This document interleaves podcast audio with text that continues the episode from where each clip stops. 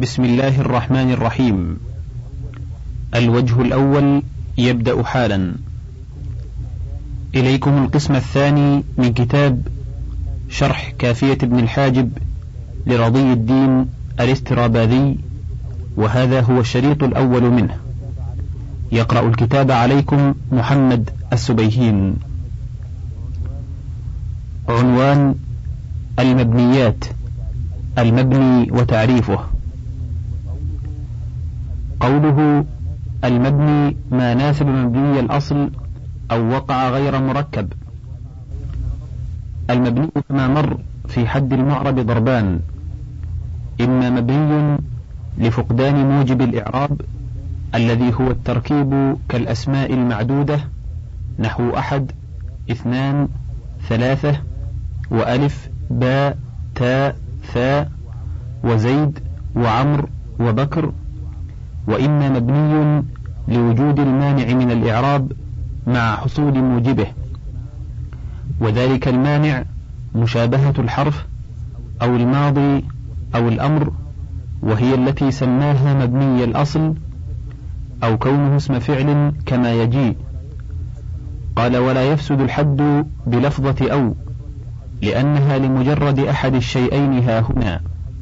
لا للشك الذي ينافي تبيين الماهية ولم أقل في حده ما لا يختلف آخره كسائر النحاة لأن معرفة انتفاء الاختلاف فرع على تعقل ماهية المبني فلا يستقيم أن يجعل تعقل ماهية المبني فرعا على معرفة انتفاء الاختلاف فيؤدي إلى الدور كما ذكر في الإعراب هذا كلامه وقد مر الكلام عليه في حد المعرب فلا نعيده وهذا الحد لا يصح إلا لمن يعرف ماهية المبني على الإطلاق ولا يعرف الاسم المبني ولو لم يعرفها لكان تعريفا للمبني بالمبني لأنه ذكر في حد المبني لفظ المبني.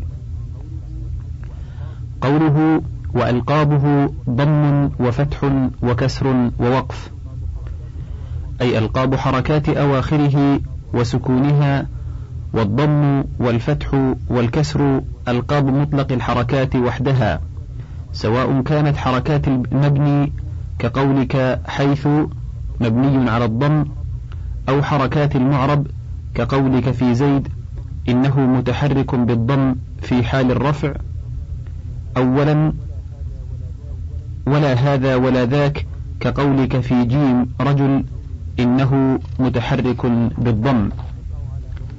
ولا تقع على حروف البناء فلا يقال إن يا زيدان مبني على الضم. وأما ألقاب الإعراب فإنها كما تطلق على الحركات تطلق على الحروف أيضا. فيقال في نحو جاءني زيد والزيدان والزيدون إنها مرفوعة. هذا على مذهب المصنف. والذي يغلب في ظني أن المتقدمين لم يضعوا ألقاب الإعراب أيضا. أعني الرفع والنصب والجر إلا للحركات المعينة فالرفع كالضم والنصب كالفتح والجر كالكسر. ثم إنهم يطلقون على الحروف لقيامها مقام حركات الإعراب أسماء الحركات مجازا. فقولهم في نحو رأيت الزيدين إن الزيدين منصوب مجاز وكذلك إذا قام بعض الحركات مقام بعض. أطلقوا اسم المنوب على النائب مجازا. فقالوا في السماوات وأحمد في خلق الله السماوات وبأحمد إن الأول منصوب والثاني مجرور. فأيش المانع على هذا؟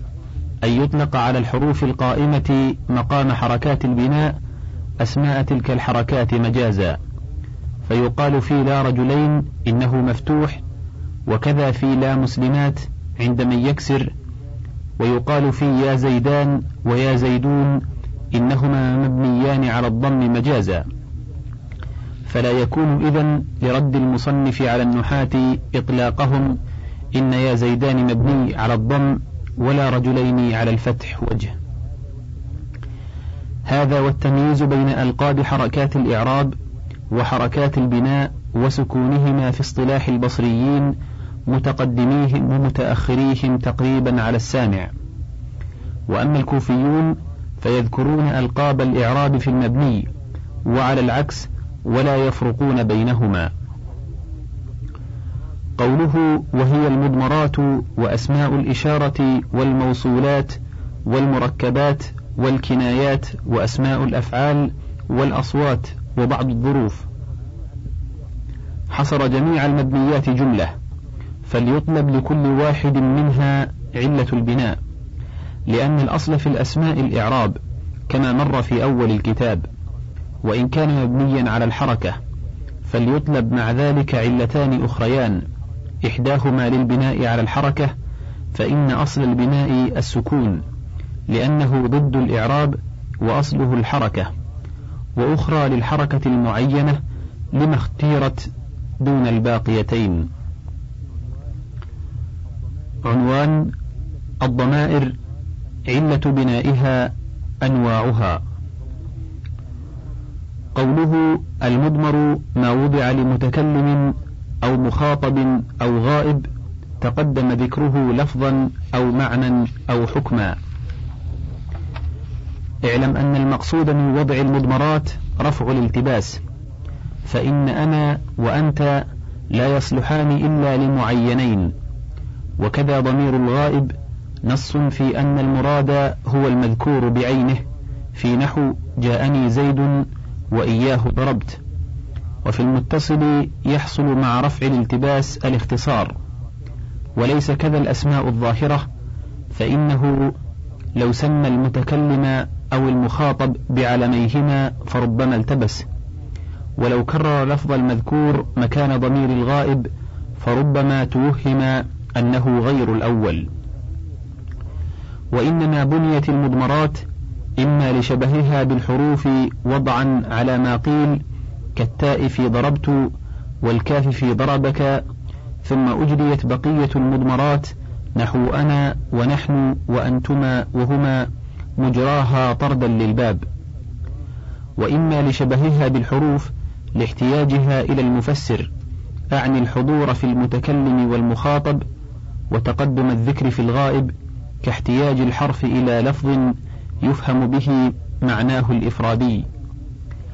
وإما لعدم موجب الإعراب فيها وذلك أن المقتضي لإعراب الأسماء توارد المعاني المختلفة على صيغة واحدة.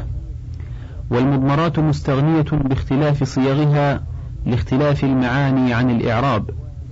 ألا ترى أن كل واحد من المرفوع والمنصوب والمجرور له ضمير خاص؟ قوله ما وضع لمتكلم.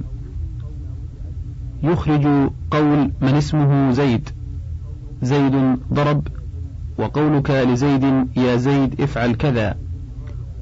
وقولك لزيد الغائب زيد فعل كذا فإن لفظ زيد وإن أطلق على المتكلم والمخاطب والغائب إلا أنه ليس موضوعا للمتكلم ولا للمخاطب ولا للغائب المتقدم الذكر.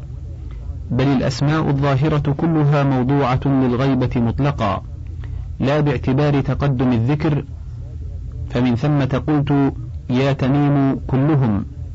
نظرا إلى أصل المنادى قبل النداء. ولهذا يقول المسمى بزيد زيد ضرب ولا يقول زيد ضربت.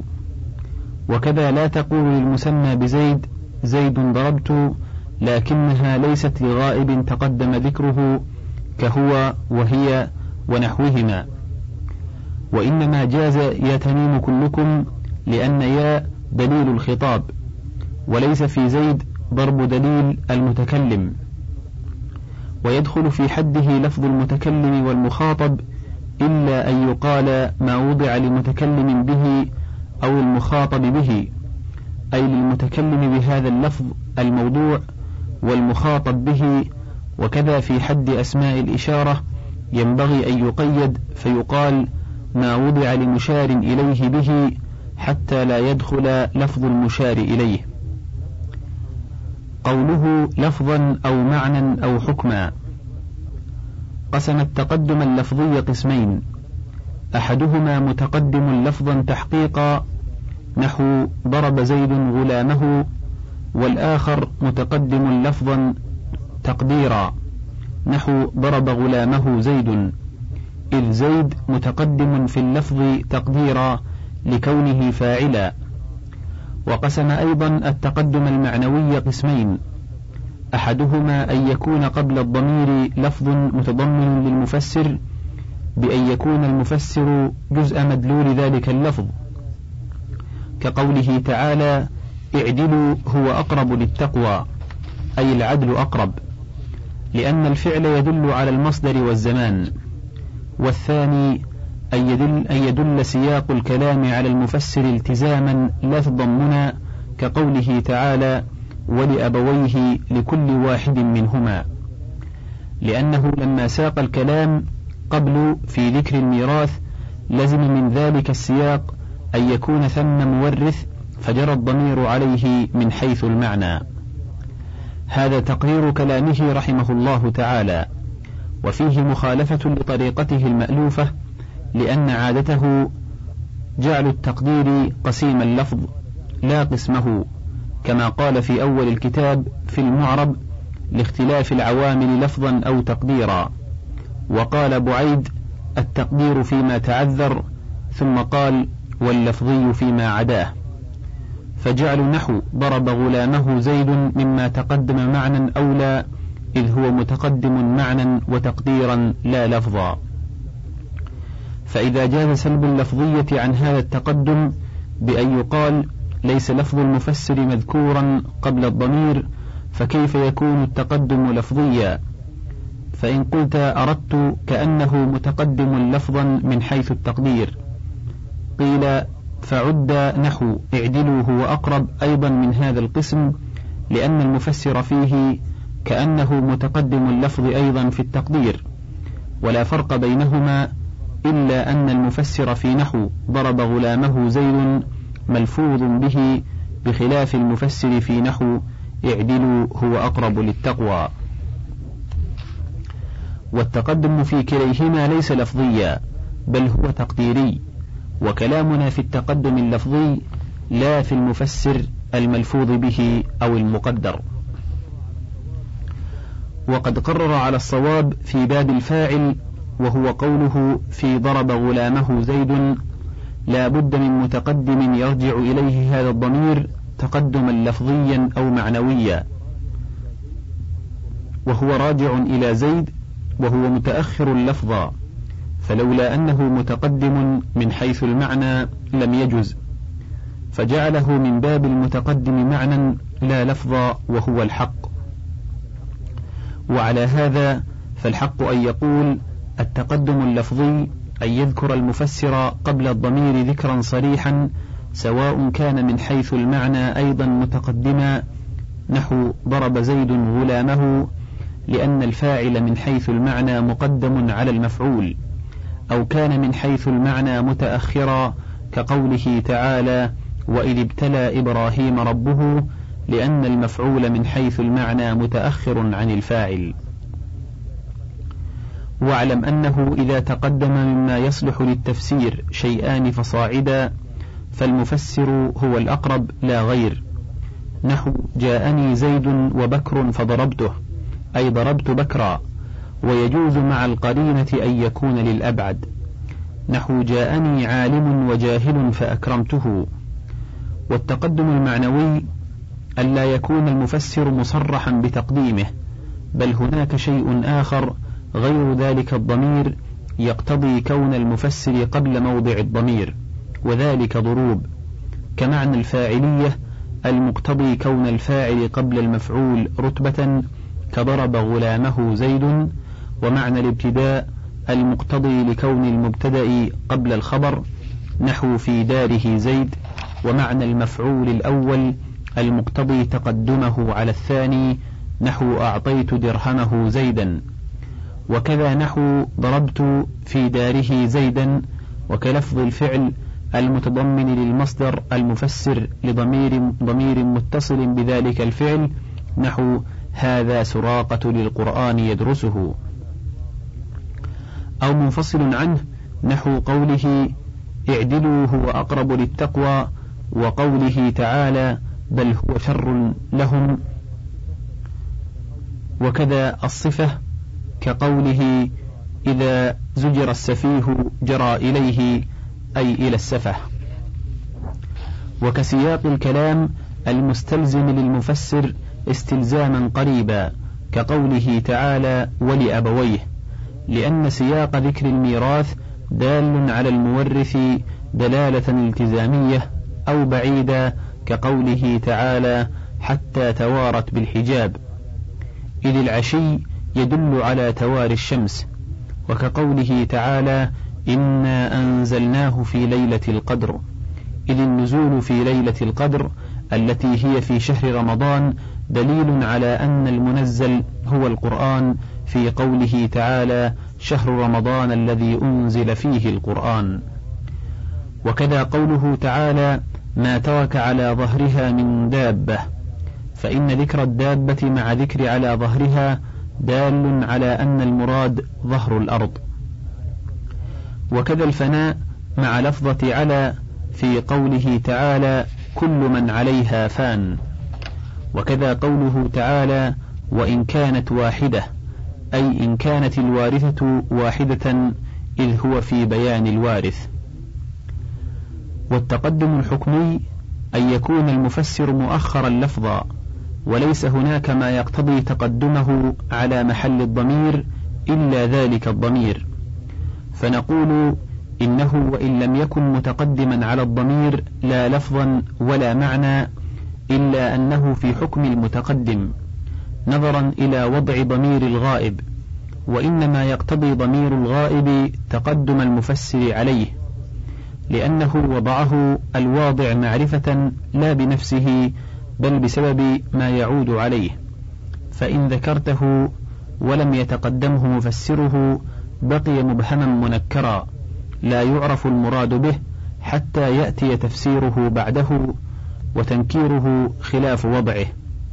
فإن قلت فأيشن الحامل لهم على مخالفة مقتضى وضعه بتأخير مفسره عنه؟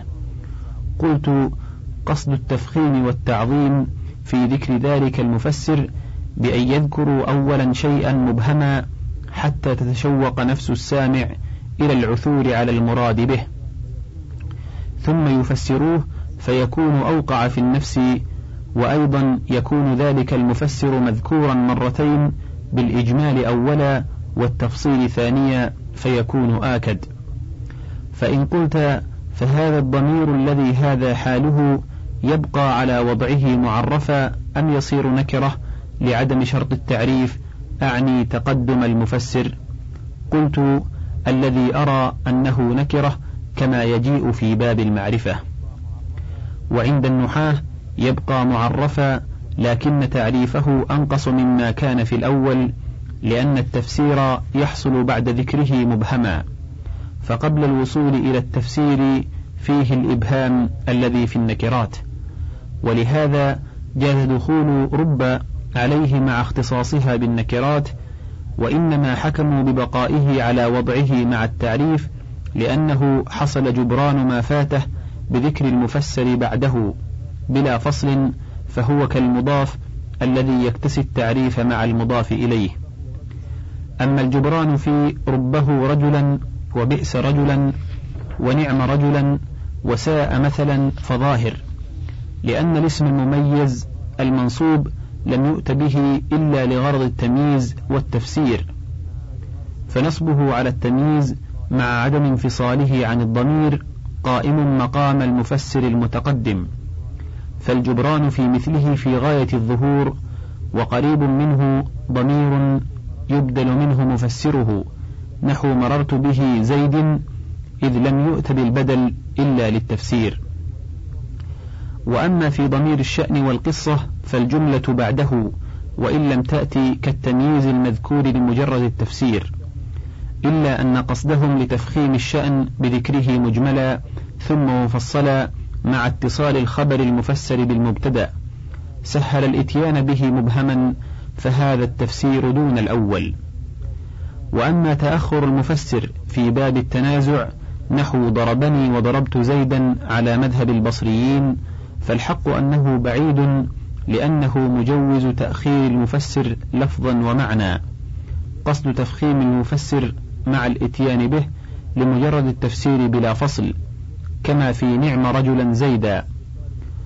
وقصد التفخيم مع اتصال المفسر كما في ضمير الشأن. والثلاثة في ضمير التنازع معدومة أعني قصد التفخيم والمجيء بالمفسر لمجرد التفسير واتصاله بالمضمر. فضعف فمن ثم حذف الكسائي الفاعل في مثله مع أن فيه محذورا أيضا. وما أجازه المبرد والأخفش من نحو ضرب غلامه زيدا أعني اتصال ضمير المفعول المؤخر بالفاعل المقدم ليس بأضعف مما ارتكبه البصرية. لأن الاتصال الذي بين الفاعل والمفعول إذا كان لعامل أكثر من الاتصال بين الضمير ومفسره على ما ذكره البصرية في باب التنازع. قال المصنف أردت بالتقدم الحكمي أنك قصدت الإبهام للتفخيم فتعقلت المفسر في ذهنك ولم تصرح به للإبهام على المخاطب وأعدت الضمير إلى ذلك المتعقل فكأنه راجع إلى المذكور قبله فذلك المتعقل في حكم المفسر المتقدم. ولا يستمر ما ذكر في باب التنازع إذ لا يقصد هناك التفخيم. عنوان المتصل والمنفصل من الضمائر. قوله وهو متصل ومنفصل فالمنفصل المستقل بنفسه والمتصل غير المستقل. يعني بالمستقل بنفسه أنه لا يحتاج إلى كلمة أخرى قبله يكون كالتتمة لها بل هو كالظاهر سواء انفصل عن عامله نحو ألا تعبدوا إلا إياه وما ضربت إلا إياك أو اتصل نحو ما أنت قائما عند الحجازية.